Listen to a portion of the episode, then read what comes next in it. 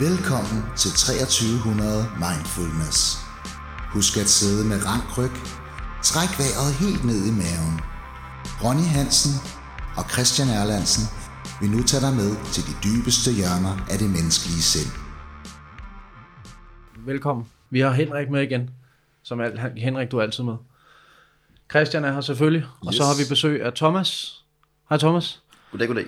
Øh, og Thomas er en, som jeg har mødt, og, øh, og har hørt på nogle gange, som, og jeg synes, du virker meget inspirerende.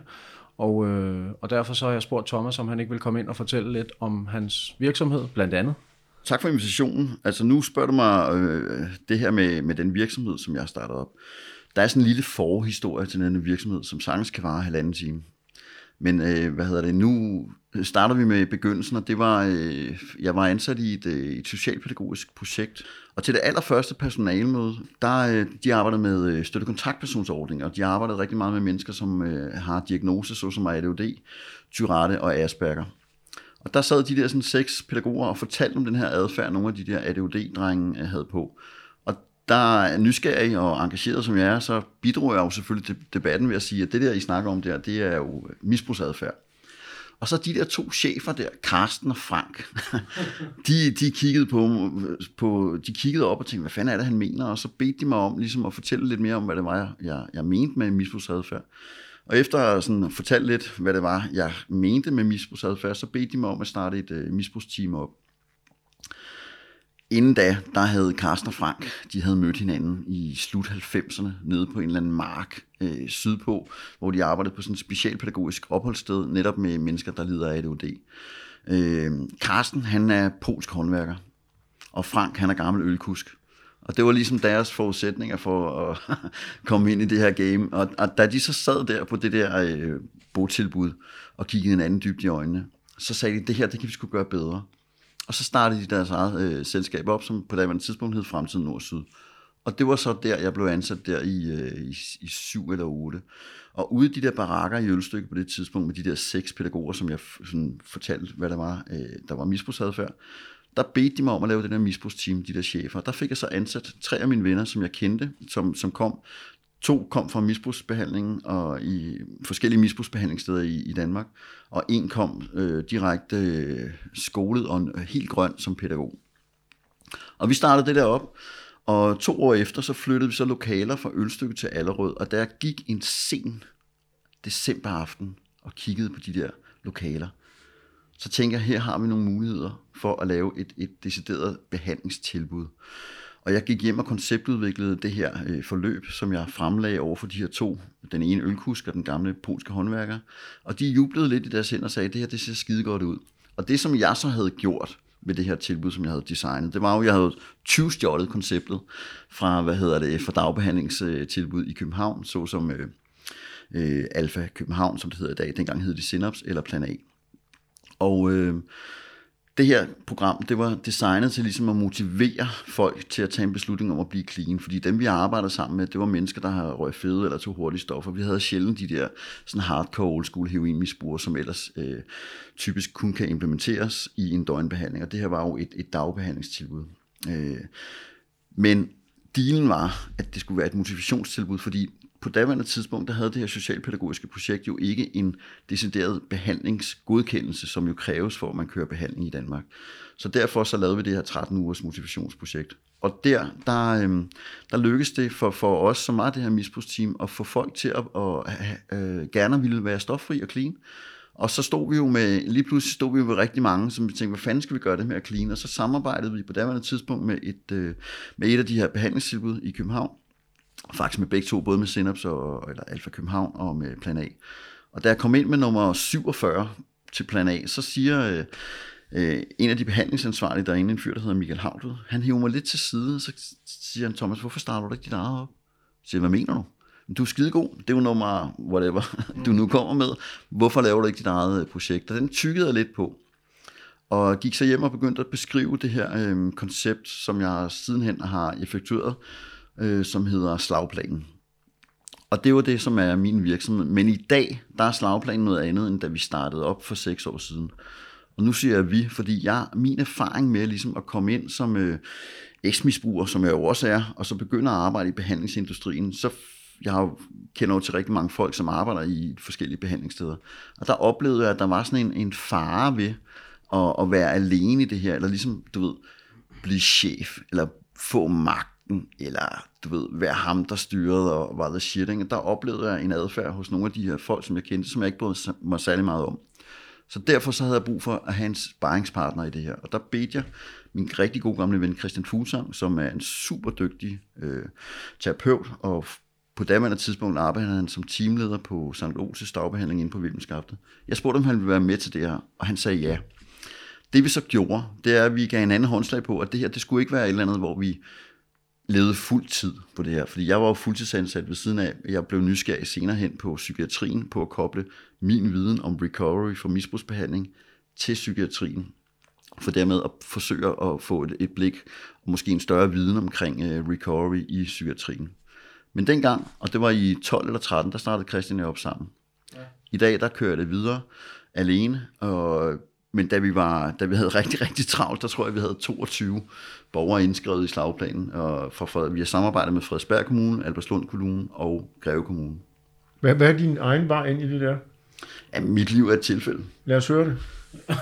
Lad os høre Nu det. kom Henrik lige på banen der, men det, altså, når jeg nu siger, at mit liv er et tilfælde, så er det sådan en, en, så er det sådan en modifikation, men dog en ret stor sandhed, fordi at jeg har ikke, altså lige inden vi gik i gang med programmet, så snakkede vi lidt om musik, og jeg startede med at spille trommer som, øh, jeg faktisk så ville være trommeslager som syv år. Jeg voksede op ude i Vandløs, hvor på det ene hjørne, der boede Thomas Blackman, og over på det andet hjørne, der boede Svend, Thomas, han penge, Thomas Blackman? på det andet hjørne, der boede Svend Erik Nørgaard. Svend Erik Nørgaard var daværende øh, landets største jazz sammen med Alex Rig på det tidspunkt. Og nu spørger Henrik Friis jo, var, altså, om, om han havde penge, Thomas Blackman. Det aner det ikke. Dengang der var han mere interesseret i at Det er det. Henrik han kan. Jamen, jeg tænker på, at han ikke har ikke en rig familie. Øh, det ved jeg ikke. Når Øh, mands far har op, optaget, eller op, været opfundet telefonsvaren eller eller andet. Det er rigtigt nok, men Thomas Blackman er jo også en, øh, først og fremmest øh, jazztrumslager, før han blev tv-vært, ikke? Og det er jo netop min pointe, fordi der var folk, der spillede trommer hele tiden, og kun ja. afbrudt af, når han ellers smagte på min søster, som var en af byens flotteste damer dengang. Hun er nu død af en øh, følgesygdom af, af narkomani og alkoholisme, og fred være med det. Men dengang, der var det gasolins gør det noget. Jeg mener, den kom i 77, og så var det Blackman og Svend Nørgaard, som ellers spillede en afart musik, jazz, som jeg først er kommet til at holde af i en alder af snart 53 år. Altså, jeg har også først faldet for den nu. Men så har vi noget til fælles. Men Ja. det der var i forhold til det der med min opvækst og musik og alt det der, der var jo, jeg, jeg, jeg har jo en, en far, som var, hvad hedder det, førsteholdsmålmand på ØB, og spillede øh, landsholdsfodbold, og fik en kæmpe røv fuld af mit farfar, som var banansælger fra Lundtoftegade på Nørrebro, fordi han kom hjem og fortalte, min far han kom hjem og fortalte, nu var han blevet udtaget til landsholdet, men han havde takket nej, og så fik han en på lampen Det havde jeg fandme også gjort. fordi han hellere ville spille dansk arbejderidræt. Min far var også en, du ved, der, han ville hellere spille DRI-fodbold og er blandt. Der er faktisk kun to i landet, der har fået en guldnål af DRI. Altså for dem, der ikke ved det, så dansk arbejderidræt, det var kæmpestort med, øh, hvad hedder det, kampe og ture til det det Sovjetunionen og til Belgien og det der. DUI. DAI. DRI, dansk D- arbejderidræt. Men DUI var også en del af det, ikke? Sådan en ungdomsting. Det ved jeg ikke, fordi jeg, øhm, Den har jeg været medlem af en gang, kan jeg jeg huske. snakkede faktisk ikke særlig meget med min far. Han gad mig ikke rigtigt. så hvad hedder det? Det eneste tidspunkt, jeg kunne få hans opmærksomhed på, det var, når der var tipslørdag. Når han, når han lå derinde og så Cardiff Leeds, mand, eller hvad det var, og med en kold, og, og så kunne jeg jo få noget opmærksomhed. Så jeg begyndte faktisk at spille fodbold, for ligesom det, det var en interesse, han havde. Og så spillede jeg et år i FB, et år i KB og seks år i Vandløs. Og stoppede som 12-årig, fordi jeg hellere ville spille, øh, spille punk og ryge fede. Ja, så startede din, øh, din misbrugskarriere der. Ja, det var jeg så ikke lige klar over, men, men det har du ret i. Og, og øh, det der var i, i forhold til det der med, øh, hvad jeg sådan rent fagligt ved i dag om alt muligt, øh, du ved, misbrugs øh, baggrunden for, hvorfor folk udvikler, eller hvorfor der er nogle mennesker, der er disponeret for at udvikle en afhængighed, kontra min egen vej, det var jo, at jeg følte jo, jeg følte mig fremmedgjort. Altså, jeg, jeg følte ikke rigtigt, at jeg, der var den her ungdomsklubben, og så var der over i skolen, og det var lige meget, hvor det var henne, så synes jeg bare ikke, jeg passede ind. og det, øh, jeg kan huske, de der, min far og mor, de var workaholics, du ved, de, skulle, de prøvede på at distancere sig fra det der arbejderklasseliv, så de ville jo øh, lynhurtigt begynde at lave nogle penge, fordi de, vores børn, altså de ville også, de var det bedste, min søster Jeanette og jeg, men fordi at øh, der ikke rigtig var nogen, der havde fortalt dem, hvordan man skulle være forældre, eller om det var den sociologiske betragtning, hvordan øh, samfundet, øh, datiden dengang i, i slut 70'erne og 80'erne, det gjorde bare, at, at min mor og far i hvert fald bare knoklede, og aldrig rigtig var der for, for min søster og jeg. Det tror jeg er meget klassisk for den tre øh, generation af forældre der. Jeg har hørt adskillige, som har haft det på samme måde, det er rigtigt. Ja. Men altså, det, for at blive på den personlige side af det, så var det, øh, så var det, jeg havde brug for at connecte med et eller andet. Og da punkmusikken kom, og primært takket med min søster, som var de der tre år ældre, og som tidligere nævnt var en super flot pige. Hun blev ret hurtigt kæreste med øh, tromslæren for balletmekanik, som var Martin Hals første band, og de, hun flyttede ret hurtigt ind til pisseranden. Min søster var fars pige, og jeg var mors dreng. Så min søster fik lov til rigtig mange ting, og deriblandt var der at flytte tidligt hjemmefra, og der, der blev hun så en del af indcrowden i det københavnske miljø, hvor Knud Øjet og Martin Hall, altså folk fra Sort Sol og, og balletmekanik. Hvad var, hvad var den første punkplade, synes du? Nej, men det, det, det kan jeg ikke udtale mig om. Fordi Hvad synes du, det er? Jamen, fordi jeg, i virkeligheden så er jeg for ung jo. Jeg var, jeg var bare Jeanettes irriterende lillebror, som bare kom, men altså, så jeg var ikke, øh, jeg, for alvor fik jeg først fat i det der 79-80, da jeg var 12-13 år, der begyndte jeg at interessere mig for det. Og, og den punk, som jeg sådan læner mig op af, det er jo i virkeligheden ikke særlig punket, det er band som Joy Division, som ja. for mig står som de største. Øh, Er det ikke det, man kalder det? Vil man ikke karakterisere det som postpunk? Punk. jo, og det er jo på grund af tiden i det, men det, det, den følelse, som de repræsenterede, ja. det var den, hvad kan man sige, den mere romantiske øh, punk. Det var, ikke, det var ikke oprøret. Martin Hall, han siger det meget godt, når han er ude og fortæller, så siger han, at, at generationen gik typisk fra at være øh, øh, fuck you, altså man har følelsen Til fuck me. Ja, præcis. til Ja, I'm det- fucked. Ja, til, jeg, jeg, jeg, til I'm fucked. Ja, Lige præcis. det er Jeg læste en rigtig fin artikel. Jeg ved ikke, det kan godt være Martin Hall, der sagde det, men, ja. men det, det er ret interessant, ikke? Ja. Altså, ja. og Men det det, er han også, har også skrevet den der, den sidste romantik. Han er jo også en Ja, men det romantisk er rigtigt. type, ikke? Det er rigtigt. Og man kan sige, at hans ja. forfatterskab, uden at gå for meget ind i, i detaljeret sådan, biografi omkring ham, fordi han er jo en af de mest produ- produktive kunstnere her i overhovedet, så er det jo, at det var den, da, han, altså, da man vender blikket og kigger indad i, i punkens ånd dengang, det var det, der ligesom gjorde en forskel for mig, for der connectede jeg med noget, som ligesom gav mig en forklaring på, at jeg var altså ikke den eneste, der var fucked. ja. Ian Curtis. Han, han, jeg, jeg læste her forleden dag på det der fantastiske medie Facebook, at han ville han have han, forleden dag ville han have, enten er det 30 år siden han døde, eller også ville han have været blevet 60, eller jeg ved ikke. Det var også der, jeg læste om overgangen fra fuck you til I'm fucked. Ja. Og det kan jo virkelig godt være, at det var nogle af de der øh, sådan tidlige britiske punks, der sagde det, som Martin bare har ligesom øh, fordansket. Ikke? Men altså, øh, miljøet dengang, altså tiden, det var jo noget helt andet end i dag. Dengang, der var der typer, der var der hele det her oprør mod det etablerede. Det var nok oprøret for oprørets skyld, som så senere hen blev til et oprør med en selv, for ligesom at finde roen i, i og accepten af en selv. Og for mig, der øh, altså en fyr som C.V. Jørgensen, som jeg aldrig rigtig har været særlig meget til, han siger jo, at søgende sjæle spiller gerne for lidt. Og hvad hedder det, når du hele tiden søger noget ude fra dig selv, som jeg har gjort, om det så har været i, i, i dope eller musik eller whatever, ikke?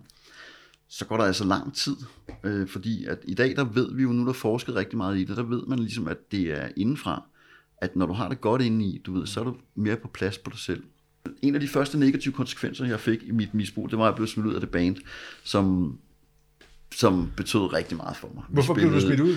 På grund af, altså jeg var, jeg tog dope, man. Jeg var tog Nå, nå, heroin. okay, du, var- jeg De troede, du var andre, holdt op. de, øh, de andre, de, jeg synes, det havde været federe, hvis du var holdt op, og du så blev smidt ud. Ja, men det sådan var det ikke. Altså, jeg, min første negative konsekvens, jeg, jeg tog dope øh, allerede som 17-årig og røg på nålen som 19-årig. Så jeg blev smidt ud af Oh band. God. Så jeg blev smidt ud på det band, og vi havde en, en video med på MTV, og vi spillede KB-hallen, og der, vi, der, stod foran sådan en. Hvad hedder orkestret? Det hed Stalin Staccato. Jamen, det kan jeg sgu da godt huske. Vi stod øh, foran sådan en tur til Polen, og der skete nogle rigtig fede ting, ikke? men jeg var bare... Ja, de andre drak og tog lidt speed og sådan noget, men jeg tog heroin, ikke? Så på et tidspunkt, så spillede vi et job i, øh, i huset Mastred, og så kunne Det de ikke lyder helt... Jamen, lad os lige- til at sige, det lyder som noget fra de skrigende halse. Det er skrigende halse. Ja, men altså, vi var før de skrigende hals. Ja, ja, ja. Det. Jamen, Det det her- her... Johnny Babu. Det her, det, det her, det, Det er. Ja, men det her, det er punkmiljøet fra, fra 80 til 87. Ja. Og reelt, som Martin Hall jo allerede siger, eller andre siger, det er jo, at punken døde i 1985 med øh, den store koncert i parken, hvor man skulle samle penge ind til USA, eller til Afrika. First Aid, hvor, øh, hvor Sot spillede, og, og sådan andre sådan prominente punknavne. Der siger mange punks, at der døde Nej, for der, den døde med, det David Bowie spillede lidt Stains, det var i 83 og sådan noget. Der Men døde- jeg vil ikke gøre mig til talsmand for, øh, hvornår noget døde. Slet ikke punken, fordi punken for mig er en individuel følelse. Det er en personlig ting, og jeg bruger den stadigvæk i dag i forhold til DIY-ting, do it yourself. Det er lige så meget en måde at tænke på, lige så meget en måde at, at agere i verden på. Og, i, og dermed så ved jeg jo, at der i hvert fald sidder fire punker rundt om det her bord i dag. Lad, lad os høre om den der nede i Babu, eller hvor det var henne, i huset. Ja, men når det er der, altså, men de kunne ikke finde mig under lydprøven, ikke? og så var jeg var væk, og de sagde, hvad fanden er Thomas hen, ikke? Og jeg, jeg sad jo og fik ude på lokummet, ikke? Men så kommer der en fyr, der hedder Niklas Tange, som i dag spiller med Michael Simpson, og i mine øjne er han en af de mest, noget, det navn, ja. han er en af de mest elegante trommeslager i mine øjne, men de andre stod så og lavede lyd, og så kommer Niklas, så siger han, hey Thomas, hvor, hvor Thomas? Jamen, vi kan ikke finde ham. Så siger han, okay, men skal jeg ikke lige lave lyd med jer? Og så kunne de jo høre, at han var straight ham her. Han holdt takten, du ved, jeg svingede jo helt vildt og svedede rundt på mit dope, hvad fanden jeg ellers tog, ikke? Så her fandt de ud af, okay, vi skulle nok nødt til at fyre Thomas, ikke? Ja. Og i dag, der har vi jo, ringen er sluttet, forstået på den måde, at da jeg i 2002 med 15 års hardcore junkmisbrug og mishandling og isolation og alt det lort, som I kender til, da jeg vågner op og bliver clean, der har jeg jo et ønske, og det er at få det her band, spille med det her band igen. Nå fedt. Og det gjorde vi forrige år ude i, til Nostalgioratum Festival, som jeg selv har været med til at stable på benene, i øh, Gammeltorv 81 regi, hvor vi gendannede punks øh, for gamle dage. Okay. Der spillede med det her band, og vi Fedt. begyndte at lave sådan nogle, vi faktisk også, at vi ses regelmæssigt nu, og sådan, jeg har jo lavet de der, gået ind og sagt, mand, prøv at høre, ikke? og de siger, prøv, vi er bare glade for, at du er clean, mand. Må jeg, du er nødt til at svare på en ting, fordi for lang tid siden var der en, der skrev til mig, du, skal blive, du bliver medlem af Gammeltorv 81. Jeg bor på Gammeltorv. Der er ikke noget, der hedder 81.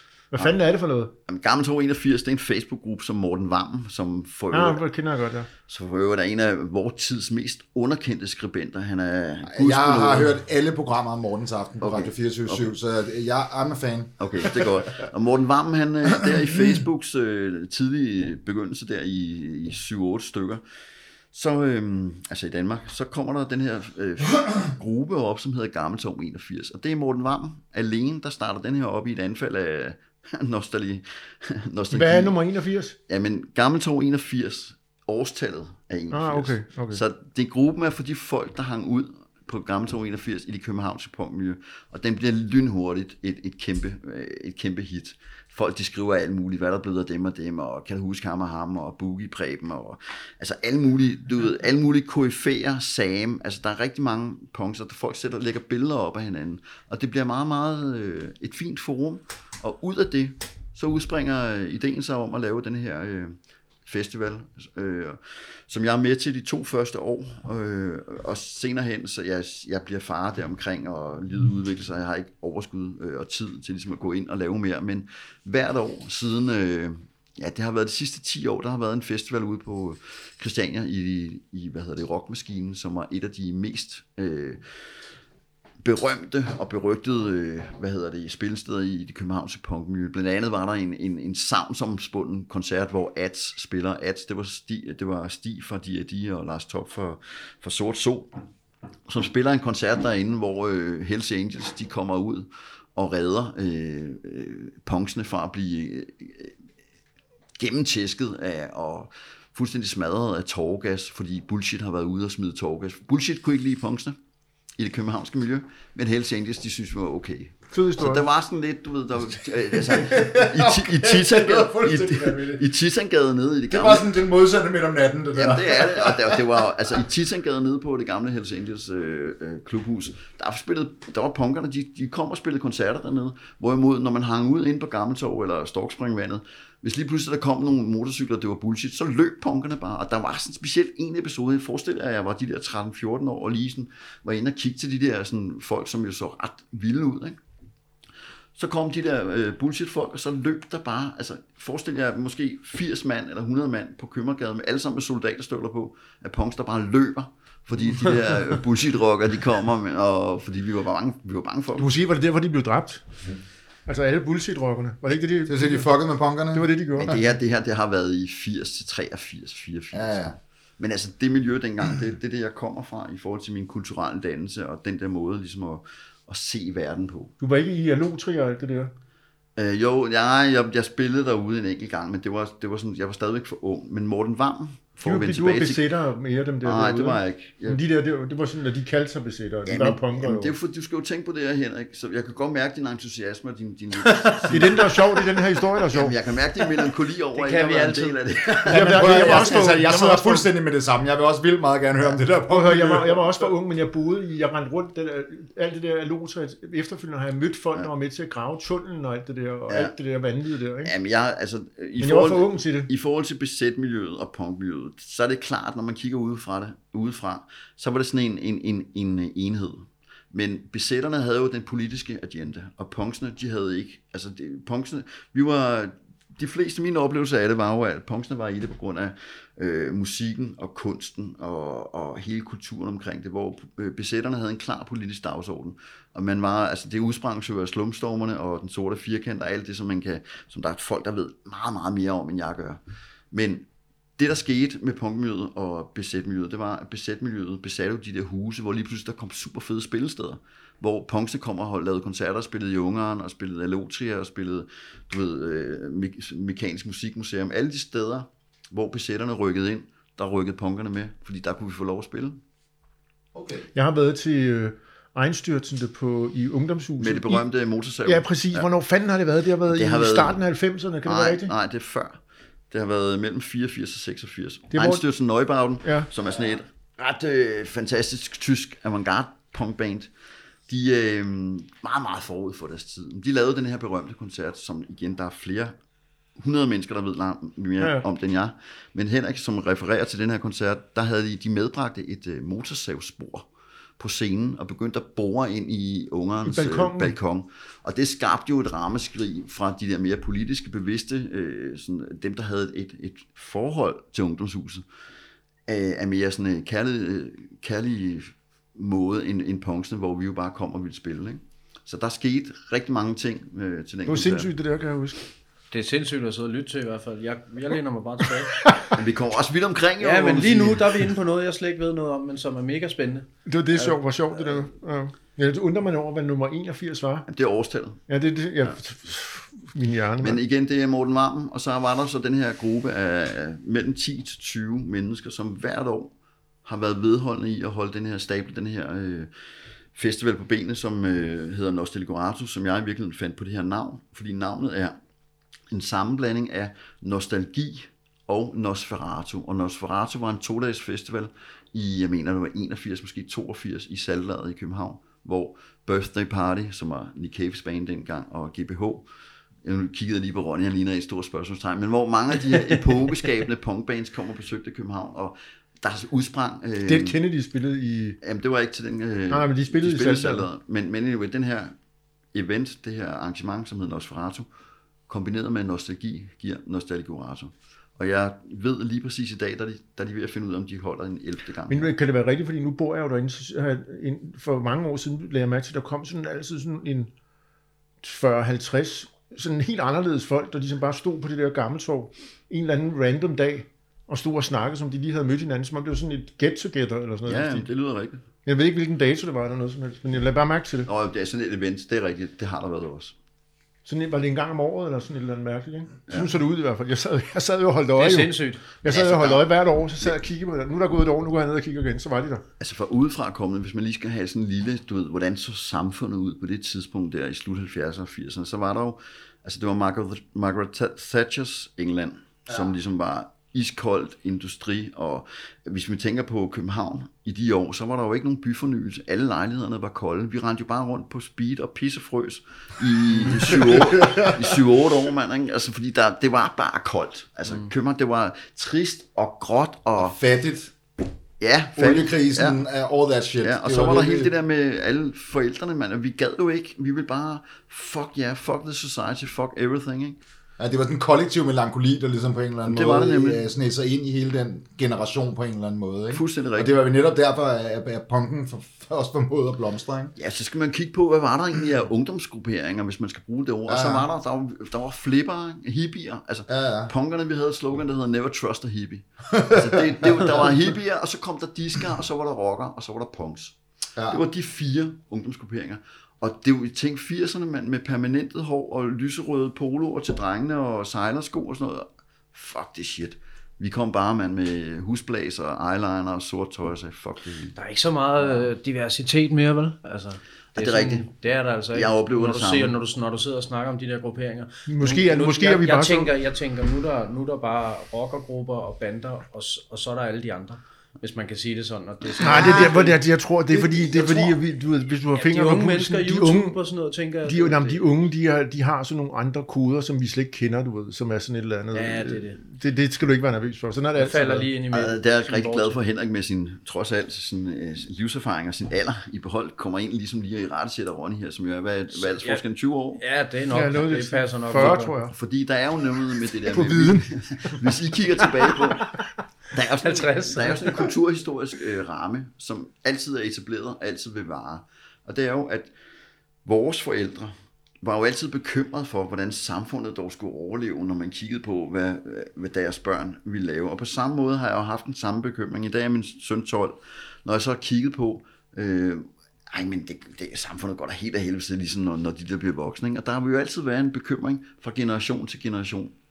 Jeg kan så trøste med, det vil jeg lige sige her, meget vigtigt, det er den store ting, der sker for mig i den her uge. August von Fries, det er min dreng, han bliver student i morgen, kl. 15. Så det, du ved, han, det skal nok Ja, gå. tillykke til alle. Det skal nok Tillykke, gå. tillykke. Ja, lad os nu se. Men Min kusine blev student morgen. i dag. Og på samme måde, så er det jo med, at når, når man kigger, når man kigger på, øh, på øh, altså, hvad skal der dog blive godt til? Jeg tager mig i det der med, når man, når man tager sig i at gentage øh, ens far og mors mønster, så er det, man for alvor ligesom får øjnene op for, gud ja, prøv at høre, nu skal du høre, det er meget sjovt, du lige siger det. Jeg har nogle unge mennesker omkring mig, ikke? og så de spiller musik alle sammen. Du ved, instrumenter og det der. Og så, det, det, jeg har fundet ud af, at lige snart de spiller noget, som du synes er fucking elendigt dårligt, ikke? så er de på ret vej. Mm. Fordi hvis de spillede noget, jeg ville kunne lide og nærmest synge med på, så var, de, så var det ikke interessant nok. Sådan er det med unge, tror jeg. Og sådan er det jo også i dag, eller på brug det her med radio Marhonihytten. Altså, der skal jo ikke særlig mange ressourcer til, hvor man kan sidde og lave det her i en skummel mm. lejlighed på, øh, på Vesterbro. Nu er jeg med på, at vi er på Vesterbro, men Men Altså- du kan også lave den på Vesterbro. når du har, når du har, når du har energien og engagementet, så skal der ikke mere til end lige en mikrofon, og så kan du køre en iPhone. Ikke? Og det, det er jo de muligheder, der er i dag. Mm. Og jeg kan sagtens forstå, at der er... Altså, da vi voksede op, da jeg voksede op, så synes jeg stadigvæk, der var mange valgmuligheder. Og jeg blev forvirret i, hvad skal jeg være, når jeg bliver stor? Og på samme måde, når børn vokser op i dag, der er jo tusindvis af, af hvad kan man sige, linjer og, og, og veje her i livet. Og der er det jo med, med den erfaring, jeg har i virkeligheden, at det er jo først, når du ligesom har roen inde i, når du ligesom har en accept på, hvem du er, at du tager nogle velovervejede, positive valg, som du ved ligesom har, har hjertet eller kroppen eller følelsen med i. Hvorimod, hvis du bliver tvunget ud i nogle valg, så kan det godt være, at du stifter fred med det valg, du nu engang har truffet. Men det er vigtigt, at, at ligesom der er en ro omkring det, det valg, du nu Det er træffer. sådan en, en, det er en konstant, kan man sige, lige den der. Ikke? Hvorimod det andet omkring, det er sådan noget, der forandrer sig hele tiden. Ikke? Det er rigtigt. Uddannelse, retninger, og Det er biler. meget kirkegårdsk, det vi er over i der. Det er stærkt. Der er, jo- der er noget tidsligt her, som jeg synes er sådan rimelig vanvittigt, ikke også? Fordi det virker som om, at du er i det her punkmiljø, og du spiller musik og alt muligt andet, og så ryger du på junk, simpelthen ja. heroin. Og så forsvinder du vel egentlig mere eller mindre ud i det. Jamen, det er i, rigtigt. Hvor mange år? Jamen altså, hvis du skal have sådan en tidslinje Ja. på, øh, på det, så, så er det fuldstændig korrekt, at, øh, at, at konsekvensen, den første negative konsekvens, som tidligere nævnt, blev, at der bliver smidt ud af bandet. Og så Ja. er det... Altså Og hvornår er det? På Sådan- det er 87. På det tidspunkt, der går jeg måske stadigvæk og har sådan en... Øh, altså, jeg går op og betragt, jeg har altså det der med at have et, et fuldstændig urealistisk selvbillede, det har jeg også tidligere sådan været offer for. så hvad hedder det? Øhm, på det tidspunkt, så er det jo det der med, at jeg har en eller anden følelse af at være en spirende ung musiker med et spirende ung band, som er på vej frem øh, i forhold til at have en eller anden øh, øh, øh, musikalsk begævelse, og, og vi er på vej til at lave noget. Ikke? Og da jeg så bliver smidt ud af det her band, så krakelerer mine facader. Der kan jeg ikke længere styre eller kontrollere det her. På daværende tidspunkt, inden jeg bliver smidt ud, der går jeg og sælger speed i miljøet i sådan nogle 100 kroners pakker, fordi det er Københavns punkmiljø, alle er bare på speed. Ikke? Så, men, men det, der så er, det, der så er problemet her, det er jo, at jeg begynder at få det penge, jeg tjener på at sælge min speed, der begynder jeg at tage heroin. Og alle er absolut ikke på heroin i, i punkmiljøet. Der går faktisk en, en skillelinje, en klar grænse der, at alle dem, der er på dope, de er sådan nogle tabere i forhold til dem, der kun tager på speed og, og, og, og drikker. Og på det tidspunkt, så er der faktisk også begyndt at komme sådan en straight edge bølge i forhold til at gå, gå imod alt det der misbrug, og hvorfor folk skal være så far out på drugs. Ikke? Så i 87, der ryger jeg ud på grund af dope. Og det, der så sker, i stedet for at gå og sælge speed i Babu eller til koncerterne i musikmiljøet, jeg har faktisk, jeg har opdaget, Iggy Pop, han gæster Falconer Teater med sin Lost for Life tur. Og der har jeg begyndt at gå og optage de der koncerter med sådan en, øh, en lille båndoptager her. ikke? Og der kommer folk, fordi de ved, at jeg pusher siger, har du skal jeg for 200 kroner og sådan noget, det ryger med på den her optagelse. så, så jeg går og sælger speed i det miljø, men da jeg bliver smidt af banen, så ryger jeg direkte ned i gaden og begynder at sælge speed, speed dernede. Ja. Ja, Ja, jeg okay. går i, går i, jeg ryger i Istegade der i 87. Og du tager bare, det, det er bare ud af bandet, og så direkte Ja, i det er, der, der er for alvor, der begynder, der, fordi der sker jo også, det der sker der, det er jo, at indtil da, der har jeg jo kun, parentes kun, øh, du ved, sniffet det og røget dopen, heroin, ikke? Så der er, jeg er ikke, og jeg har en kæreste, som er røget på nålen, og jeg begynder at gå som en fyr nede i gaden, som er på nålen. Men jeg, jeg stadigvæk har sådan, at jeg skal være rockstjerne, jeg, jeg, jeg ryger og sniffer mm. det kun, ikke? Og da jeg bliver smidt ud, så ryger jeg på nålen. Shit. Og så går det bare, så er det bare den der. Det er det samme, det er det allerede. Altså jeg vil sige, du kan ikke kontrollere og, og styre. Ja, Om du er hooked, if you got the habit, you got the habit. Ja. Altså du, er, er, er, bruger du heroin dagligt, så er det sgu lige meget, om du sniffer ryger, eller du mm. fikser det. Ja, Det har var faktisk lige også det, vi snakkede om tidligere, det er, man har aldrig nogensinde hørt om nogen, der bare tager heroin en gang imellem. Ej, så skal du i hvert fald være en eller anden, øh, du ved, lægesøn, der får det af farmand, ikke? Jo, jo. Ja, men det, man kan sige, men jeg tror, at det går stærkere, når du, når du fikser det. Altså selve det ruten går stærkere, tror jeg. Ja, altså det, Det bilder jeg mig ind. Jeg tror aldrig prøvet det, så jeg ved det, det det, det, tror jeg faktisk er en illusion. Ikke? Fordi, Okay. Ja, fordi at det er jo klart, det er jo den personlige grænse, du overskrider i og med, at du stikker et, et værktøj med en nål i armen og, og fikser det på den måde. Så er det jo klart, det er jo svært at opretholde en eller anden romantisk illusion om, at du er et eller andet øh, Men det kunne godt være, at du var gået den der Jim Morrison-vejen, og så sagt, at det gør man også, når man er, øh, spiller trommer, mand. Det gør de bare. Ja, nej, men jeg, jeg var godt klar over, at det var, det, det var der grænsen gik. Okay, det vidste du godt. Ja, det vidste jeg godt. Ja, hvornår krakelerer det der billede så egentlig? Selvbilledet af, at du skal være rockstjerne og sådan noget. Ja, det, det er sker det jo ret det- hurtigt, eller? Ja, det, det er ret hurtigt. Det er faktisk, altså, den, den største følelsesmæssige reaktion, da jeg blev smidt ud af banen, det er jo, at jeg bryder sammen og græder. Altså, jeg, jeg kan mærke det, jeg ved også godt, jeg har jo måske håbet og luttet mig fast til en eller anden illusion omkring, at det er det her bane, der skal, der skal fikse mig. altså, apropos den der med at lede efter noget ude for mig selv. Jeg er jo i det her miljø, der har jo taget drugs med rigtig mange mennesker i punkmiljøet, altså som er, som er blevet store kendte og, og stjerner og etablerede folk, og, og, som virkelig kan noget, og som er pisse dygtige, som jeg har stor respekt for i dag. Men der er også, øh, der er også mennesker, som bliver hvad kan man sige, socialt fanget op, øh, og, øh, og nu snakker jeg ikke kun i punkmiljøet, men mennesker, som, som har et misbrug, eller er disponeret for at have en afhængighed, øh, og er virkelig langt ude, og har, har, taget, har været på nålen, men som bliver samlet op af de mennesker omkring dem.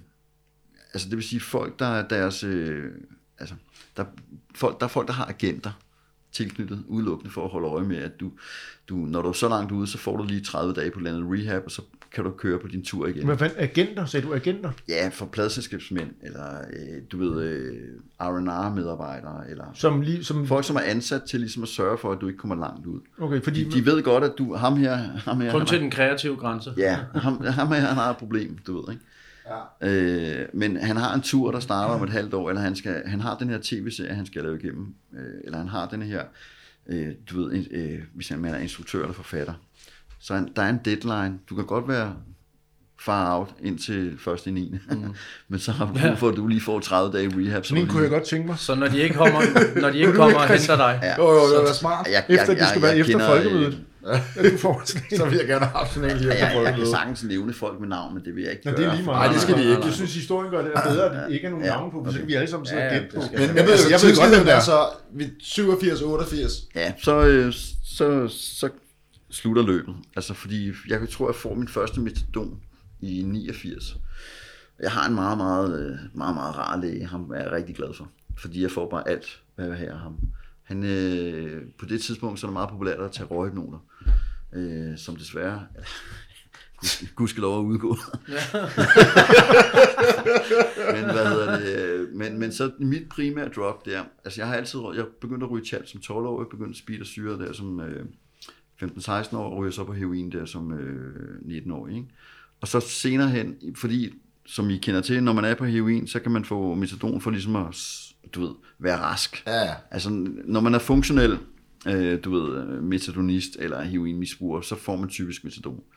så udvikler sig et ret øh, stabilt øh, forbrug, vil jeg sige, af misbrug af benzodiazepiner, specielt røgknuder. Og det gjorde jeg allerede der fra start 90'erne. Og så mit misbrug, der vælger at gå i behandling i 2002, det er benzodiazepiner, metadon og, øh, og hvad hedder det, øh, og chal, ikke?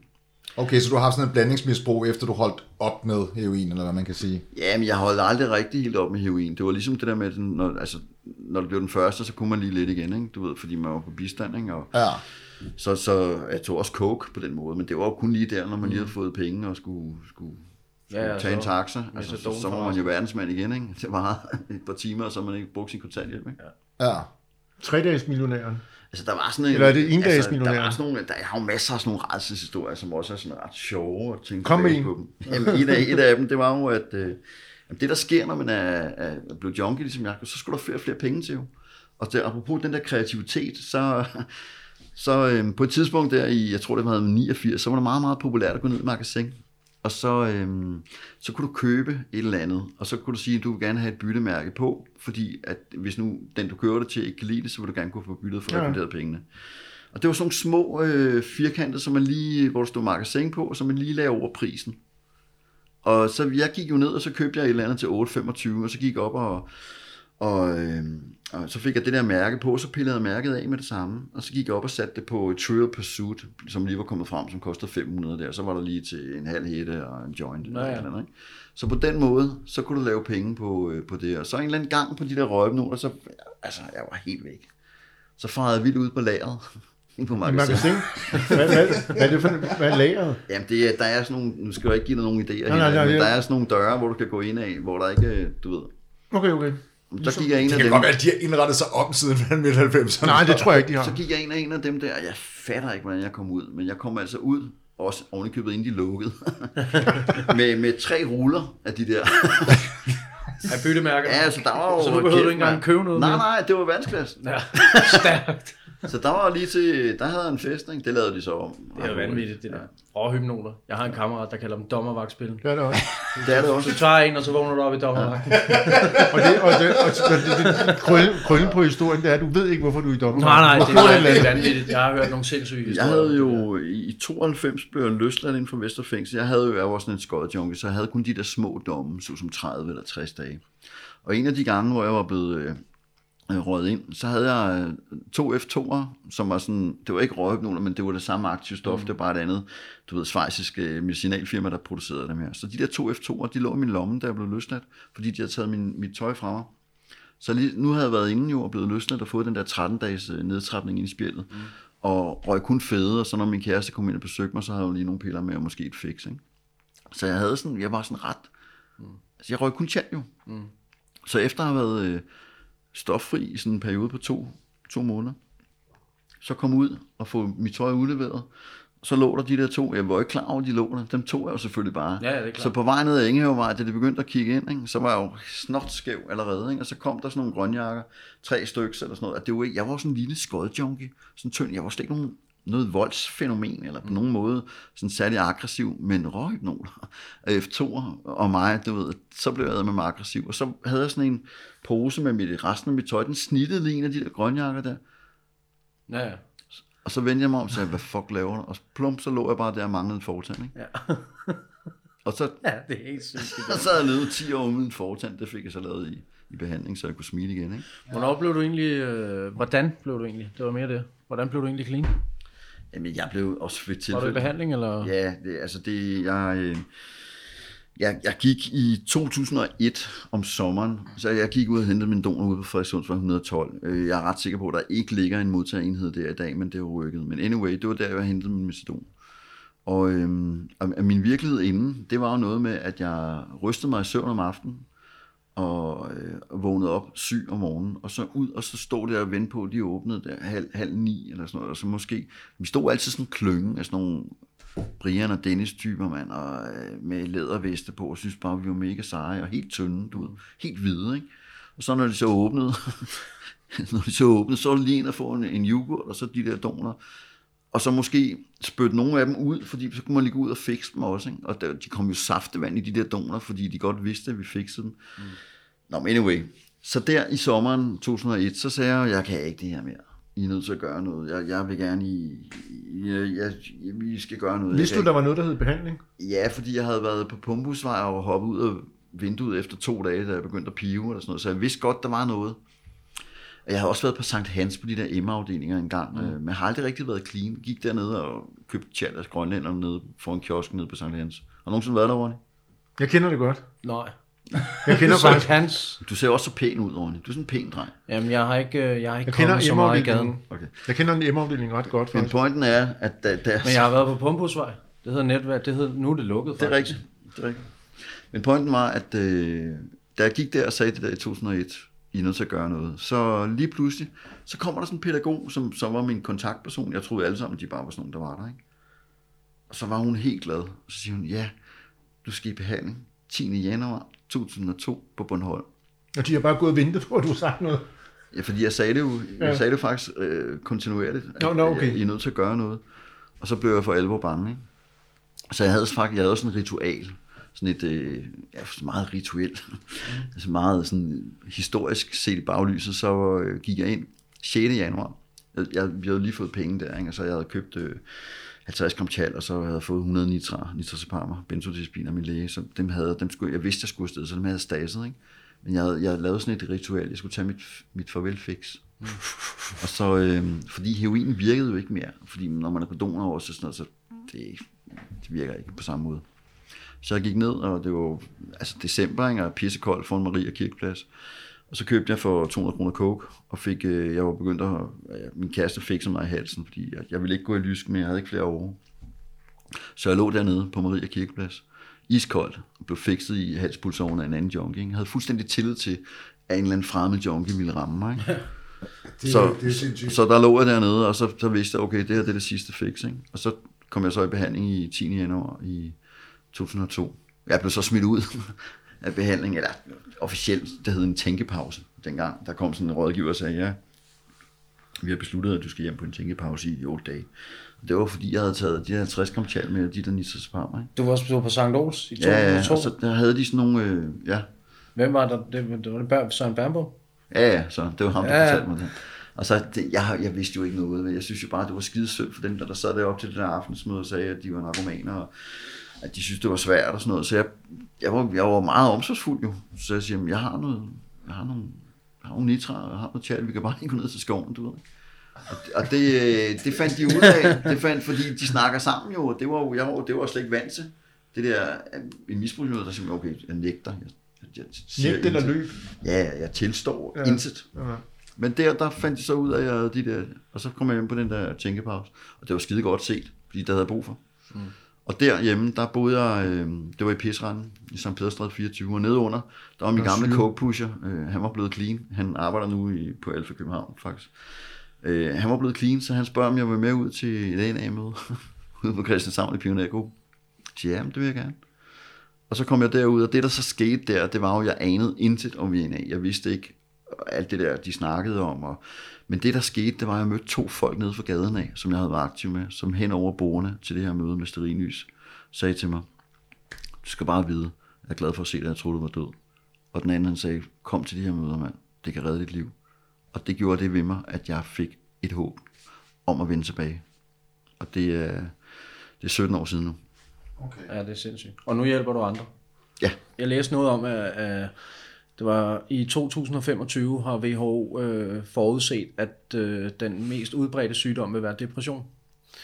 Og, øh, og det har blandt andet noget med at gøre, at ja, den her måde, vi, den her måde, vi ligesom øh, takler vores problemer på, og mindfulness, og altså træk, vejrtrækningsøvelser, og selvhjælpsgrupper, og sådan noget, du ved, hele tiden, hele tiden ind og mærke efter, hele tiden ind, hele tiden ind og finde ud af, og selvrensage, og analysere, og sådan noget, at man faktisk på den måde tiltrækker øh, de der depressive følelser, det der, som vi snakker om, med, hvis man, man- det ender med, at man går og ruminerer Ja, rigtig meget. Det- det ender og, og det faktisk er, at der er faktisk rigtig meget, der, der er rigtig meget forskning også nu, det ender med, at de fleste finder ud af, at vi faktisk skal dø, eller sådan noget, ikke? Ja, det er sådan noget, du, du ved, og så, så, så vender det det hele på hovedet, og det er helt fuck for mig, fordi nu prøver jeg jo at leve, altså jeg har, jeg har jo mødt dig i, i, i NA, og det er jo ikke nogen hemmelighed, at, at det er jo der, hvor man prøver sådan lidt at, at, leve efter det her 12-trins-program, ikke? som handler lidt om at, at gå ind og, og kigge på, hvad fanden jeg har gjort, og hvordan jeg ellers kan gøre, og alt sådan noget. Jeg vil sige, for at supplere lidt øh, til dig, Ronny, så vil jeg sige, at øh, at i dag, den måde, øh, altså nu er du trænet i det, du nu er trænet i. Altså du kommer fra, fra hvad du nu kommer fra, og du har lært ligesom at acceptere at have en opmærksomhed på dine tanke- og adfærdsmønstre, og så kommer du med den her, så læser du den her artikel omkring, at for 2025, så, Ja, ja. så skal vi til at gøre noget Jeg er helt åben. Jeg er helt åben. Jeg er fuldstændig, jeg er blottet. Så jeg kan bare, jeg, Men- alt ryger bare ind. Men nu har jeg været med i siden 2002, og, og, og da jeg bliver clean i, og, og, og begynder at ligesom, øh, arbejde med øh, NA's program, og siden da, der har jeg jo udviklet sådan, øh, en faglighed og noget øh, forståelse på nogle andre områder. Og i dag, der arbejder jeg jo med folk, der ikke nødvendigvis skal i NA, eller skal være clean som NA'er. Jeg arbejder også med folk, som kan skadesreduceres, øh, altså det vil sige nedsætte misbrug. Jeg arbejder også med folk, som, som bliver stoffri og går en anden vej, fordi det er ikke alle, og nu Enig. det er ikke alle, som, øh, som er, altså, NA det er ikke for alle, det er for dem, der vil det. Men hvis du nu vælger at gå en anden vej, så er det ikke, så kan du sagtens navigere i, fordi de fleste, eller min erfaring er, og min oplevelse er, at alle dem, som jeg har arbejdet sammen med, øh, som har været meget, meget syge i deres misbrug, eller meget, meget syge i psykiatrisk lidelse, de ved godt, hvad der er rigtigt og forkert. Men de har brug for på et tidspunkt i deres liv ligesom at få navigeret eller få noget hjælp til ligesom at finde ud af, hvad der er rigtigt og forkert. Og så er det jo så et spørgsmål om, hvad kan man sige, egne kompetencer i forhold til, hvor hurtigt kan du komme på plads igen i din øh, adfærd, eller hvor hurtigt kan du blive rask igen. Og der er recovery-begrebet super, super fedt, og der mener jeg ikke kun, at det er recovery-programmet, eller øh, begrebet fra NA, men også i det, som man har begyndt at bruge i psykiatrien i dag. Fordi recovery, kort fortalt, det er jo en evne til at komme sig af en sygdom fuldstændig. Hmm. Så derfra, så er det jo, når du først får øje, det er lidt ligesom, du ved, Mohammed og bjerget. Altså, det, når, når, når, når mennesket, du arbejder, der er det der gamle kirkegård-referat, som også siger, at, at hvis mennesket er med på den her rejse, så er det nemmere for dig. Men hvis du er oplevet, eller hvis du er blokeret af psykiske forsvarsmekanismer, er fuldstændig i, altså ikke kan, ikke kan navigere ud fra benægtelse, eller modstand, eller mistillid, eller ikke kan se dig komme ud på den anden side, så er det rigtig meget op ad bakke. Mm. Ja, det er det, som Kierkegaard vil kalde fortvivlelse. Og det er jo derfor, at mennesker, som, øh, som, som kommer i en form for en terapeutisk inkluderende øh, praksisideal behandling, såsom en døgnbehandling typisk er, de vil komme hurtigere på fod. Det, der så er faren ved det her, er, at det er jo tilbagefaldet bagefter, hvis ikke der, hvis I mangler strukturen og mangler den her sådan, øh, du ved, hjernevask, som, som mange øh, har brug for i en døgnbehandling. Omvendt så kan man også sige, at, at det jeg arbejder rigtig meget med, det er, når man har en, en, en baggrund som misbruger, og man bliver clean, så plejer jeg at snakke med folk omkring, at så har man brug for at tilegne sig en opmærksomhed på sine egne tanke- og adfærdsmønstre. Mm. Hvis man bliver clean og rask fra sin psykiske lidelse, det vil sige, at hvis man har dobbeltdiagnose, så har man brug for at få en særlig, særlig opmærksomhed på sine tanke- og adfærdsmønstre, fordi det er ikke nok at have fokus på at blive rask fra sit misbrug, fordi det sker ret hurtigt der er du nødt til at gå ind og også have en opmærksomhed på din psykiske lidelse. Ja. Vi snakkede der, da jeg snakkede med dig og, og, og, og spurgte, om du ville være med. Der, vi, vi talte også om på et tidspunkt, der da du præsenterede dit, øh, dit firma. Må jeg kalde det firma? Jeg ved Må hvad du gerne, skal- Øh, du, det synes jeg var meget spændende det der, fordi det, du bruger meget energi på at, at finde ressourcerne i, i, dit, i de, noget, som andre måske vil kalde karakterdefekter i virkeligheden. Ja, det er rigtigt. Kan du ikke prøve at fortælle lidt om det? Fordi det, Jo, men jeg har synes jeg populært, jeg, jeg, kan godt huske, jeg tror godt, jeg kan huske, hvad jeg sagde til dig, og hvad du fisker lidt efter her, Ronny, og det er jo, at, at, at jeg, jeg, jeg siger, at det er jo godt at gøre brug af gamle kompetencer. Mm. Og, og med det, det mener jeg, at øh, i en periode, altså rent neurologisk, nu er der jo sket sindssygt psyko meget de sidste øh, 15 år, til 15 år, specielt på, på misbrugsområdet. Og der har man arbejdet rigtig meget med, at, øh, at, at fordi, og det har vi jo også der er kun én ting, der skal laves om. Det hele.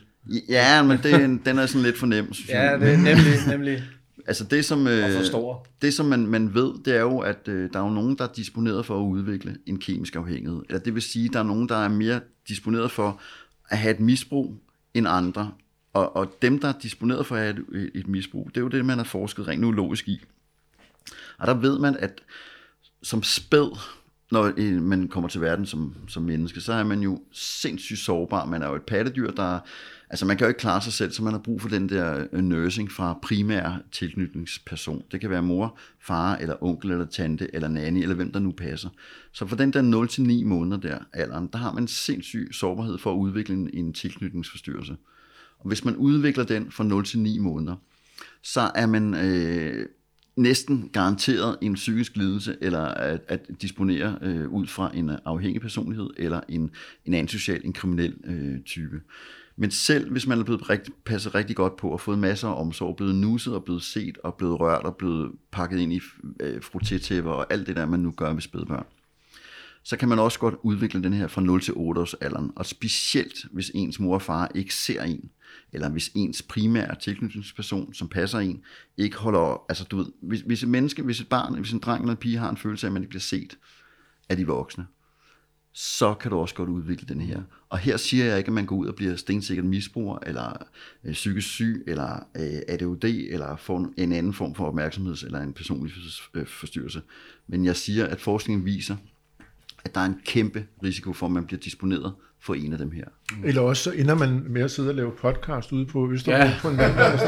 Der Til ingen, til ingen lytter. bøjer til side. Men jeg kan ikke, nu kan jeg, jeg, det irriterer mig lige, jeg har tabt tråden lidt. Men det er jo det der huske, med hvad det er Ja, jo det det med, hvordan man ser det. Og der er, jo, der er det jo, altså efterhånden som, altså de ting, som, øh, som jeg oplever i dag, og som jeg gør i dag, de har jo, de rykker sig jo, altså fra de ting, jeg gjorde for fem år siden, for 10 år siden. Og det er jo fordi, at, at, øh, at jeg oplever, at de mennesker, jeg arbejder sammen med, og jeg selv, øh, har en anden øh, ro og en anden øh, måde ligesom at gribe til de virkemidler, som virker. Jeg tror på, at store kunstnere stjæler med arme og ben, ligesom David Bowie for øvrigt siger. At, mm. at du ved, man rører lidt rundt i gryden, og man tager det op, der arbejder, eller man tager det op af gryden, øh, det redskab, der virker over for den person, man nu står over for i en given situation. Mm. Og her der er det jo væsentligt at kigge, øh, lægge mærke til, at hvis jeg står over for nogen, der er, måske er dybt kriminelle, og har har været øh, sindssygt øh, stofmisbrugende eller meget stofafhængige, så er deres primære ressource, det er kreativitet. Fordi de her mennesker, de har været nødt til at kunne klare sig i de miljøer, der nu har været. Så derfor så er der også en kæmpe kreativitet gennem på dem. Og det ved de sjældent, fordi de kigger ikke på det her som værende kreativt. Når man så efterhånden som relationen er udbygget, og man ligesom sådan finder ud af, at der er, vi skal fra A til Z for at komme i mål, og der er nogle, nogle mål, man ligesom skal arbejde ud fra, selvfølgelig ud fra, hvad borgeren eller mennesket selv vil, så kan man så snige den der kreativiteten ind, og lige pludselig så får de så øje på, selvfølgelig, det er helt okay at være kreativ, og nu mener jeg ikke at være kreativ med at skulle stjæle og lyve og bedrage, det er slet ikke der, vi er, men at være kreativ i forhold til ligesom at kunne komme tilbage på arbejdsmarkedet, tage en uddannelse, kunne navigere i sociale sammenhæng. De fleste stofafhængige og antisociale kriminelle, som jeg arbejder sammen med, de er sindssygt gode til de der, øh, hvad kan man sige, øh, grupperinger, fordi de er gode til at kulturkopiere. De gør bare ligesom sidemanden. Så hvis de lader være med at stjæle og lyve og bedrage og være rockeragtige eller være stofafhængige, og så gør jeg ligesom normalen, altså det vil sige den normale adfærd er i skolen eller på uddannelsen eller på arbejdspladsen, så den hjemme. Ja, ja, jamen det, det giver god mening. Hvordan foregår det så, sådan rent praksis, øh, i forhold til, du kommer jo ikke, du kommer ikke på et hjem hos Nej, dig. hos, hos, mig, kommer i, du- øh, hos mig i slagplanen, der får vi henvendelserne fra, øh, jeg har haft en del af egenbetalere, øh, og så får vi henvendelser fra kommunerne. Og jeg kan sige, jeg har brug for at sige, at, at for mig der smager det ikke særlig godt at gå ud og markedsføre noget, som i virkeligheden arbejder med øh, folks ulykke. Det er jeg faktisk helt enig i. Altså, jeg, jeg har aldrig nogensinde været ude med sådan nogle store vimpler, eller jeg har aldrig lavet øh, flyers, hvor der står, kom til Thomas Olsen, han ved alt, og han kan hjælpe dig og sådan noget, fordi det bryder mig ikke om. Jeg skal kunne se mig selv i øjnene. Og du sagde faktisk, du brugte et enormt interessant ord tidligere, hvor jeg lige spærrede øjnene op. Der sagde du behandlingsindustrien. Og Ja. det er jo sådan lidt pudsigt, fordi at der er jo faktisk der er et marked for det, ikke? Ja, og der er for gud også en masse, der er også en hel branche, ikke? er også Altså, en branche. af private udbydere. Jo, men det er rigtigt, men den... Men altså, der er ikke nogen, der er ikke rigtig penge i det, vel? Altså, behandlingsindustrien, for at tage det ord, ja. så har behandlingsindustrien ændret sig sindssygt meget de sidste øh, 10-15 år. Og, og, og udviklingen er sket på baggrund af, at kommunerne desværre, siger jeg, fordi jeg ved, det virker, sætter flere og flere penge af til døgnbehandling. Kommunerne hiver egne tilbud hjem. Så hvis du, hvis du i dag har en Ja, hvad, hvad betyder det? det betyder, Eller, eller hvad betyder det at hive egne tilbud hjem? Øh, af, af egne tilbud, de, de, de hiver egen, altså de laver egne tilbud i kommunerne. Og de laver deres egen? Ja, Okay. og der, bliver, der, der sker en decideret forringelse. Af, Det har jeg dårlige erfaringer med. Det kan jeg lige så godt bakke op om det der. Det er... Okay, men så ser vi det sådan lidt på samme Ja, ja, måde, men fordi, det, det, kan, det kan jeg... fordi hvis nu, nu siger, du har et problem i dag for misbrug, du vælger at gøre noget ved det, så henvender du dig til kommunens rådgivningscenter, typisk en modtagerenhed, hvis det er herinde i Københavnsområdet, Øh, ellers, hvis de i andre områder, kan det være i regionernes tilbud, som så samarbejder med kommunerne. Og der, i det øjeblik, du går ind ad døren og siger, at øh, du øh, gerne vil noget andet, du vil gerne blive clean, eller i hvert fald mindske dit misbrug, så træder den der berømte behandlingsgaranti ind, som betyder, at du skal garantere et, et behandlingstilbud inden for 14 dage. Så reelt, så i det øjeblik, du træder indenfor og beder om hjælp, så er behandlingsgarantien gået i, i, i gang. Når du så starter der, så foregår der en screeningsproces, øh, hvor at du første møde, der hvor du virkelig har allermest brug for hjælp, hvor du henvender dig og siger, prøv at jeg kan ikke det her mere. Og har allermest motivation. Har allermest motivation, så får du at vide, om du skal komme igen på torsdag kl. 9. Ja. Og så skal du så igennem et screeningsforløb, hvor kommunernes, altså rådgivernes øh, øh, sagsbehandlere vurderer behandlingsbehovet. Og ud fra din svar der, nu kender vi jo alle sammen rundt om bordet her godt misbrugere, vi ved jo, vi er jo ikke lige præcis de mest sandfærdige mennesker. Så, Nu jeg er. så når det så er, at du skal gøre opmærksom på, hvad har du taget, hvor tit tager du det, og, og hvor meget har du taget. Ikke? Og hvis ikke du er helt ærlig der, så kan det være, at du, de vurderer dit behandlingsbehov til at være, jamen, så kan du komme ambulant en gang hver 14. dag og få en snak. Hvorimod, at hvis de vurderer behandlingsbehovet til at komme i, i dagbehandling, så kan du blive visiteret til dagbehandling, hvis ikke kommunerne selv har deres eget dagbehandlingstilbud. Hvis de så er der, hvor de vurderer, at der er behov for en længerevarende afgiftning, så kan du blive vurderet til at være døgnbehandlingskrævende. Så det er behandlingsbehovet. Typisk så vil der gå en periode på 14 til 3 uger, før den her afklaring har fundet sted. Før de simpelthen har fundet ud af, okay, her har Brian et behov for at komme i B-dagbehandling. Hvis kommunerne så har det eget dagbehandlingstilbud, så bliver du visiteret til det. Hvis de ikke har, og hvis vi er her i Københavnsområdet, så kan det være nogle af dem, som vi kender til, som er Alfa København ja, eller Plan A. Man har også, man har, man, man har jo frit behandlingsvalg, ikke? Har man ikke det? Jo, det har men, man. men det er sagt med modifikationer, fordi det er det. at det er ikke noget, du får at vide jo. Det er noget, du får at vide for det første, og det er ikke noget, der sådan... Altså, du skal stadigvæk... Det, det virker bare ikke som om, at det er frit. Der der. Men jeg har, jeg har prøvet, jeg har været igennem den der proces tre gange nu. Det er rigtigt. Du skal være ekstremt standhaftig, hvis du som misbruger kommer og siger, jeg vil på øh, udsigten, lad os sige det, hvis der var noget, der, der hed det. Ikke? Ja, ja. Men i forhold til, hvor jeg får mine øh, klienter fra, så, så øh, er vi tilbage ved det, at, at da vi startede op, Christian og jeg, der havde vi jo ikke nogen forudsætninger for, hvor fanden skal vi få vores kunder fra. Vi havde en god idé, ligesom Lars Larsen. Vi er bare væsentligt mindre end, end Lars Larsen. Så hvad hedder det, vi, vores held, mit held var, at jeg kendte, i, jeg har et ret stort netværk. Og der var nogle af de her, øh, øh, der var en socialrådgiver, jeg kender, som øh, sidder inde på Frederiksberg Kommune. Hun ringede til mig, øh, fordi alle kommuner har jo dem her. Alle kommuner har sådan en, som bare, altså, er bare er pain i ass, og sådan en menneske, hvor kommunen bare vil gøre hvad som helst for at få ham eller hende reddet. Altså en eller anden menneske. Ja, Det er måske mig. det, Eller dig, eller dig Christian. det skal jeg ikke jeg sige, ikke. men, men, Jeg har ikke været inde i det der system, så jeg synes, det er meget interessant at høre om. Men vi får den her henvendelse for det her menneske, som er sådan en, der har brugt ekstreme økonomiske ressourcer, som er kendt. Altså typisk så kommunerne vil gå ind og have en, en, en, børne, en, en børnesag på dem, indtil de bliver 18 år. Hvis så bliver jeg over 18, så bliver det så går de over til en anden sats. Når man er under 18, så er der langt flere penge at arbejde med, fordi man håber på, at man kan få fat i de unge, inden de ligesom bliver en, en, en dyre økonomisk udgift for samfundet. Det giver god mening. Ja. Men når man så er over 18 år, så bliver kassen lukket i, så lige pludselig så er der et kæmpe skæld til, hvad for nogle indsatser du kan få fra kommunen af. Men anyway, en af de her rådgiver skriver til mig, og spørger, om hun må ringe til mig, og hun ringer, og hun fortæller om ham, og hun spørger, om hun må lægge vores navn, og det siger, det må du gerne. Og det, der så bare er skide heldigt i det her, der tilbage i 12, det er jo, at jeg laver et forløb på ham her, som siger Spar 2, og han, øh, han er klar på det tidspunkt. Det er jo også med til historien, Ja, ja. at mennesker skal være klar på udviklingen. Og han bliver clean, og han øh, kører snore lige, og i dag har han taget en uddannelse. Og via relationen, fordi han møder et menneske, det rigtige menneske på det rigtige tidspunkt af hans liv, så han er klar til udvikling. Og det rykkes jo. Mm. Altså det, det rygtes jo Ja, ja, lige i, i. Frederiksberg Kommune, og lige pludselig, så får vi så gang i bæksen der, og senere hen får vi så også nogle andre forløb for nogle andre kommuner. Ikke? Men du, kan du vil ikke lave kæmpe business på det? Altså, Ej, jeg, jeg lever jo ikke af det her. Jeg, jeg har et fuldtidsarbejde i, ved siden af. Jeg har arbejdet i Københavns Kommune og i Greve Kommune og er nu i Hørsholm Kommune. Og det er jo også det, som, som Christian og jeg lagde op til, da vi startede op, at det her, det skal ikke være et, et, et levebrød, forstået på den måde. Det vil det være øh, altså, rigtig fint, men der er jo en usikkerhed i, at, at der er desuden, desuden også for mange timer. altså jeg har ligget på et tidspunkt fra 13 til 17, 18 stykker. Ikke? Der lå jeg på en, en arbejdsuge på 80 timer. Ikke? Men jeg tænker på, at du snakker før om det der øh, øh, behandlingsindustrien, var det det, du kaldte det? Ja, det er, er et begreb, ja. Men jeg tænker, hvorfor, hvorfor, ikke, hvorfor gider du ikke at lave kæmpe business på det der? Jamen, det er fordi, for det første, principielt set eller sådan noget, ikke? principielt set, så mener jeg ikke, at man skal tjene penge på andre folks ulykke.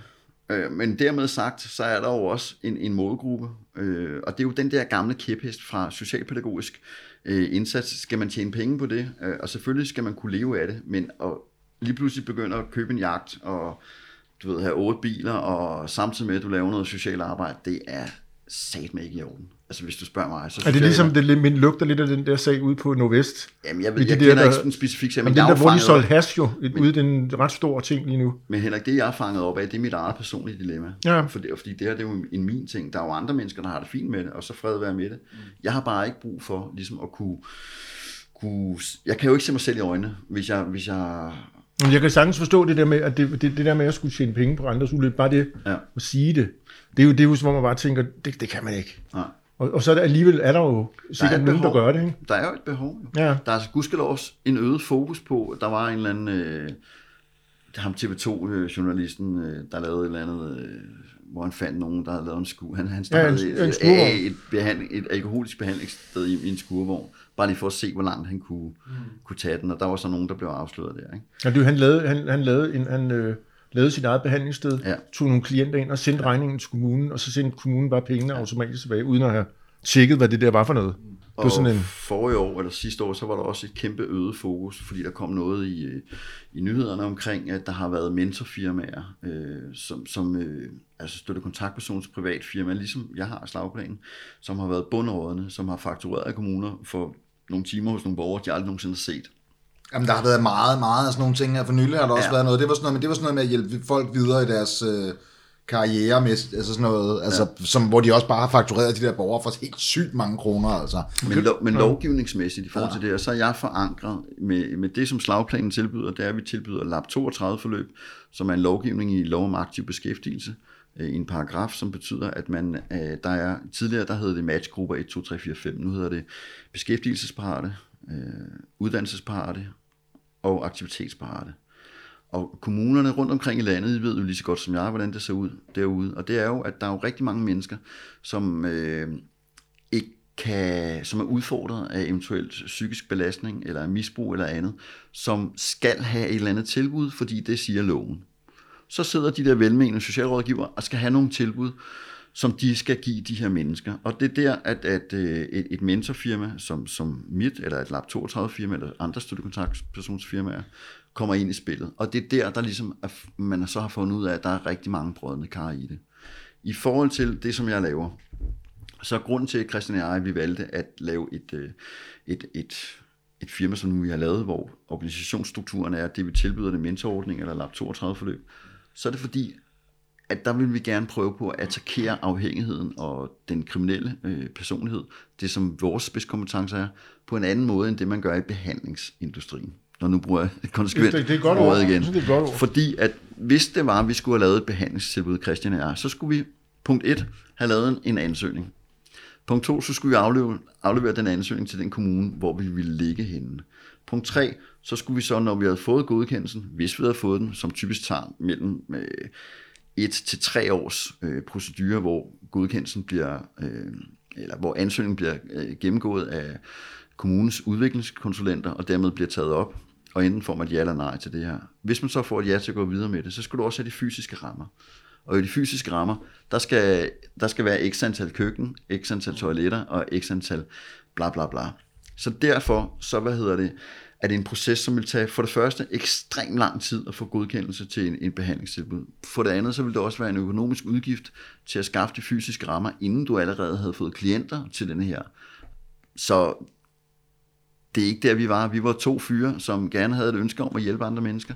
Så derfor så forsøgte vi det her, fordi vi blev opfordret til det. Og, og det er det, vi gør i dag. Men det måske, var det det centrale, at hjælpe andre mennesker egentlig? Ja, det er det jo, fordi Ja, altså jeg, som, som vi nævnte tidligere, så vil jeg jo rigtig gerne bare kunne leve af at spille trommer. Men, og mit liv som et tilfælde, det er jo, at jeg kommer jo ind i det her ved et tilfælde. Jeg, jeg er gammel punkermand, og jeg gør bare ting og handler på dem, og så må der komme nogle konsekvenser, gode eller dårlige. Da jeg snakkede med dig, der snakkede du om, at du, øh, at du har skrevet en bog, og så skrev jeg til dig, om jeg ikke kunne, øh, om du ikke kunne vise mig, hvor den bog den lå. Det er rigtigt. Fordi jeg kunne ikke rigtig finde den. Nej, det er rigtigt. Jeg, jeg har skrevet en bog. Altså, det vil sige, at jeg er i proces med at skrive en Ah. bog. Og det der, øh, det der er sådan en ret flippet ting, fordi jeg, øh, altså dengang jeg var øh, lykkelig gift, det lyder som om, det var et andet årtusind, men det var det faktisk ikke. Jeg var, øh, har været gift med en kvinde, som er super gode venner med i dag, og vi har den her søn sammen, og vi er blevet skilt. Men jeg, jeg var, jeg var, jeg var jo nyklin, altså det vil sige, at jeg var et andet sted, øh, sådan rent mentalt, øh, spirituelt og følelsesmæssigt, dengang, end jeg er i dag. Så det, jeg havde brug for, det var, at jeg, øh, jeg gik sådan lidt i besættelse over den her bog, som var en... en øh, det er fordi, jeg læste nogle, øh, nogle, livsby, nogle, nogle, livsbiografier, og, og de her biografier, der var der nogen, der var interviewet. Det var en, en, en journalist, der havde interviewet en, Allan Olsen eller Janne nede fra hotellet. Det var sådan nogle misbrugshistorier, nogen, der havde ret vild historie, men som var blevet interviewet af en journalist. Og det gjorde jeg oprør med, og sagde, fandme nej, mm. det her kan jeg sgu gøre bedre. Ikke? og så begyndte jeg at skrive selv med de ord, uden at have en eller anden form for litterær dannelse, uden at have øh, en, en viden omkring, hvordan en historie er bygget op. Så gik jeg i besættelse og begyndte at skrive på den her bog. Og øh, så da jeg blev sådan, den, altså, og det, det her, det var sådan en form for selvterapeutisk renselsesproces, hvor jeg virkelig kom i kontakt med nogle ting, fordi jeg kunne godt se meget af den destruktivitet, jeg havde været i som misbruger, at det, det gjorde ondt at sidde og skrive om. Ikke? Øh, og så på et tidspunkt, så blev min søn, øh, han blev 3-4 år gammel, og så stoppede jeg med at skrive, fordi jeg lige pludselig blev grebet, jeg blev sådan handlingslammet i det. Jeg, jeg tænkte, altså nej, jeg kan ikke skrive den her bog, fordi når nu den bliver udgivet, Ja. så bliver han jo drillet. Så, Lige så ah, din far, din gamle junkie, du ved, og jeg vil gerne måles på den, jeg er i dag, og, og min søn aner jo intet om min historie. Nu er han så ved at blive så stor. Så det er, ej mand, det er Ja, fordi han, det, det er underligt, fordi lige den der, Ja. det tror jeg endda, jeg har nævnt tidligere, lige den der, fuldstændig den samme situation. Ja. Sidder jeg i den, eller er jeg ude af den? Det er noget af det samme. Det er fuldstændig det der med... Jeg sidder og kommer til at tænke på det der med at skrive trin. Ja, Hvis jeg sidder og skriver, der skal du også sidde og være sådan, det, det, er jo, det, altså, det det er virker jo ikke, det virker bedst, hvis du er ærlig, ja. i hvert fald, ikke? Og det er nemt nok at sidde, hvis, du, hvis der ikke er nogen, der skal læse det. ja. Men jeg sidder tit og tænker, det kan jeg ikke, ah, skal jeg skrive det, fordi min sponsor skal jo læse det, og vi skal jo snakke om det, og sådan noget. Så det er ikke det, det, det, det den er svær, den der, synes jeg. Men i mit tilfælde, i forhold til det med bogen og min, min bekymring omkring min søn. Hvad er titlen? Øh, jamen, der er en arbejdstitel. Kom nu med den, den er god, det ved jeg. Det er den. Det, det får jeg i hvert fald at vide. Min, min titel på min bog, den hedder Når skidt kommer til ære. Ah, Og den er jo taget fra Matador, mm. hvor på et tidspunkt, så står Arthur Svan, øh, du ved, øh. Arthur Jensen, Ja, ja, ja, står ja, her ja. Svan, og så kigger han over på herr Skjern der, lige da han har fået herrenes magasin på den anden side af Varneskis hjem, så ryster han sådan lidt på, på hovedet og fnyser forarvet. Ja, sådan går det. Når skidt kommer til ære. Ja, det er det. Men, men i forhold til min egen bekymring med, min søn skulle Du taler op, lige ind i Christians hjerte. Jeg, Ja, ja, det, jeg det, det, er rent Christian i dag. så ja. han, du Jeg kan, skulle- jeg skulle du kan faktisk huske det. Ja, jeg kan jo huske det der. Ordret. Ordret. mand. Ordret. Jeg var ikke et øjeblik i tvivl om, det var Hasvan øh, der er også en anden titel, det er Punk Junk og hvad så, men jeg tror, jeg ender på den der, når skidt kommer til Jeg synes, den første er bedre. Det går med den. Men anyway, hvad hedder det, i forhold til min egen bekymring og, og skulle se den her bog blive færdig og komme ud og skulle eventuelt forklare og fortælle, og nu har jeg lavet den her bog og bla bla bla, og være bekymret omkring, at min søn ville skulle blive ramt af det her. Så har jeg jo også øh, er sådan følt, at den her stigmatisering, altså den her, det her label, som, man kan, som er meget nemt at lulle sig ind i med, at man er eksmisbruger, der har jeg været rigtig glad for at blive dømt på, på noget andet, øh, eller blive dømt er måske så hårdt, men i hvert fald blive vurderet på, øh, på arbejdspladser, eller til forældre hjemsamtaler, eller skolefester. Men det du, det du gør, hvis, fordi det er fuldstændig det samme, det der, det, jeg, vil, jeg er også i gang med at skrive min bog. Jeg ved ikke helt, hvad den hedder. Øh, nej, men, der, men en af jer, det, jeg startede faktisk med at skrive den til mine børn. Jeg har to drenge. Du, sådan, så de vidste, ligesom til dem, agtigt. det var sådan, det, Ja. ja. ligesom det var. Ikke? Men det, hvis du går ind i det der med, ingen må vide det, så går, er du går der med på den der stigmatisering, Stigmatisering. ja. stigmatisering tingen der, ikke? Ja, men jeg er også kommet ud Så af går du med igen. på den, hvis du, hvis du bare ligesom holder igen, fordi ja. så, så bliver det aldrig anderledes. og min evne, eller måden, hvorpå jeg er kommet ud af det igen, den der frygt for at blive stigmatiseret, eller skulle han nu blive fanget op af det her, det er jo, at, at nu er han ved at blive så stor, så er sådan simpelthen tiden mm. i, at, at, at man kan sige, at han er ved at blive så stor, så han kan godt skælne, han kan godt finde ud af, hvad det handler om. Når, når det er, at, at bogen er udkommet, hvis den udkommer, hvis jeg vælger at gøre den færdig, fordi der er jo også, Altså, der er jo også alt det andet. Altså, hvad så, når bogen slutter? Dør jeg så? Ja, ja. hvad, skal, hvad skal den slutte med? Mm. Og nu har I jo fanget mig her i min karrieres efterår, eller i livets efterår i hvert fald, fordi der er også en, en del det der med at blive ældre. Ja, det er noget lort. Hvor, ja, men både over, fordi det har også sin charme, eller det der er i hvert fald nogen, der fortæller mig, at det har. At det er jo noget at gøre med, at der kommer en anden... Øh, min far, han, jeg havde jo altid haft det der sådan ret anstrengende forhold til ham, da jeg voksede op, og da jeg var misbruger, fordi de, øh, de var nødt til De at... stigmatiserer dig for de var vildt. nødt til at korte, de var nødt til at give slip med mig. De kunne Ja. ikke have noget med mig at gøre, jeg var for vild. Hvilket jeg også var. Men da jeg bliver clean og får ham ind i livet igen, og får mine forældre ind i livet igen, og de ser min søn, de er jo så glade for at være blevet bedsteforældre i dag. Der har jeg må, desværre måtte sige farvel til dem for seks år siden. Men vi havde jo rigtig mange snakke det sidste stykke tid, hvor han var kraftramt, og hvor jeg passede ham. Hvor han, han siger det her, ved du hvad, min søn, nu skal du høre her. Og jeg ved, når han siger sådan der, så er det fordi, det er et tegn på, at han ligesom vil fortælle, hvordan verden hænger sammen. Så siger han sådan her, hvis, ikke, hvis man er ung, ikke? og hvis ikke du er i opinion, eller i oprør, og nu snakker jeg ikke politisk, men hvis ikke du er i oprør eller i opinion til et eller andet til etableret, så er der noget i vejen.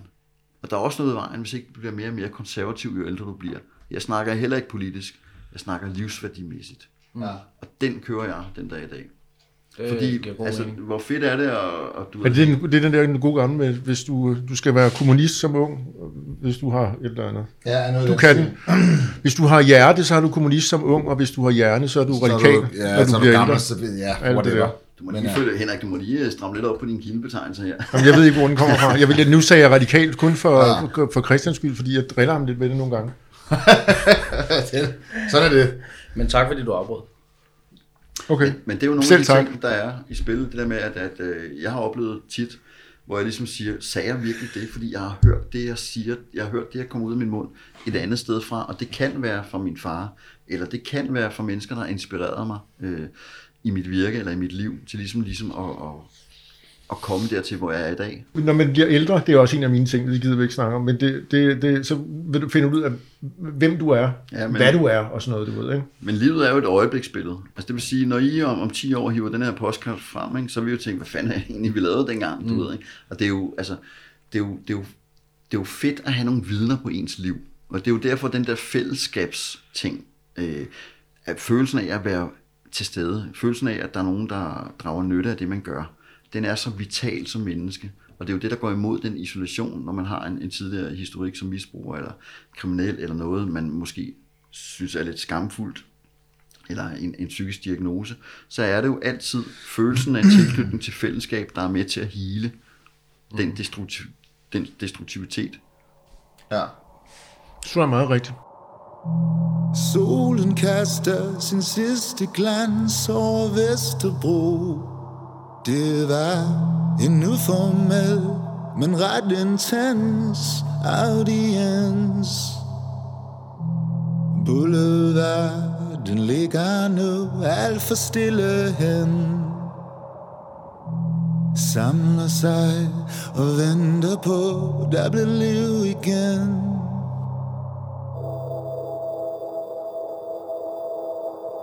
Det er først, når mørket falder på, at man kan se sig selv.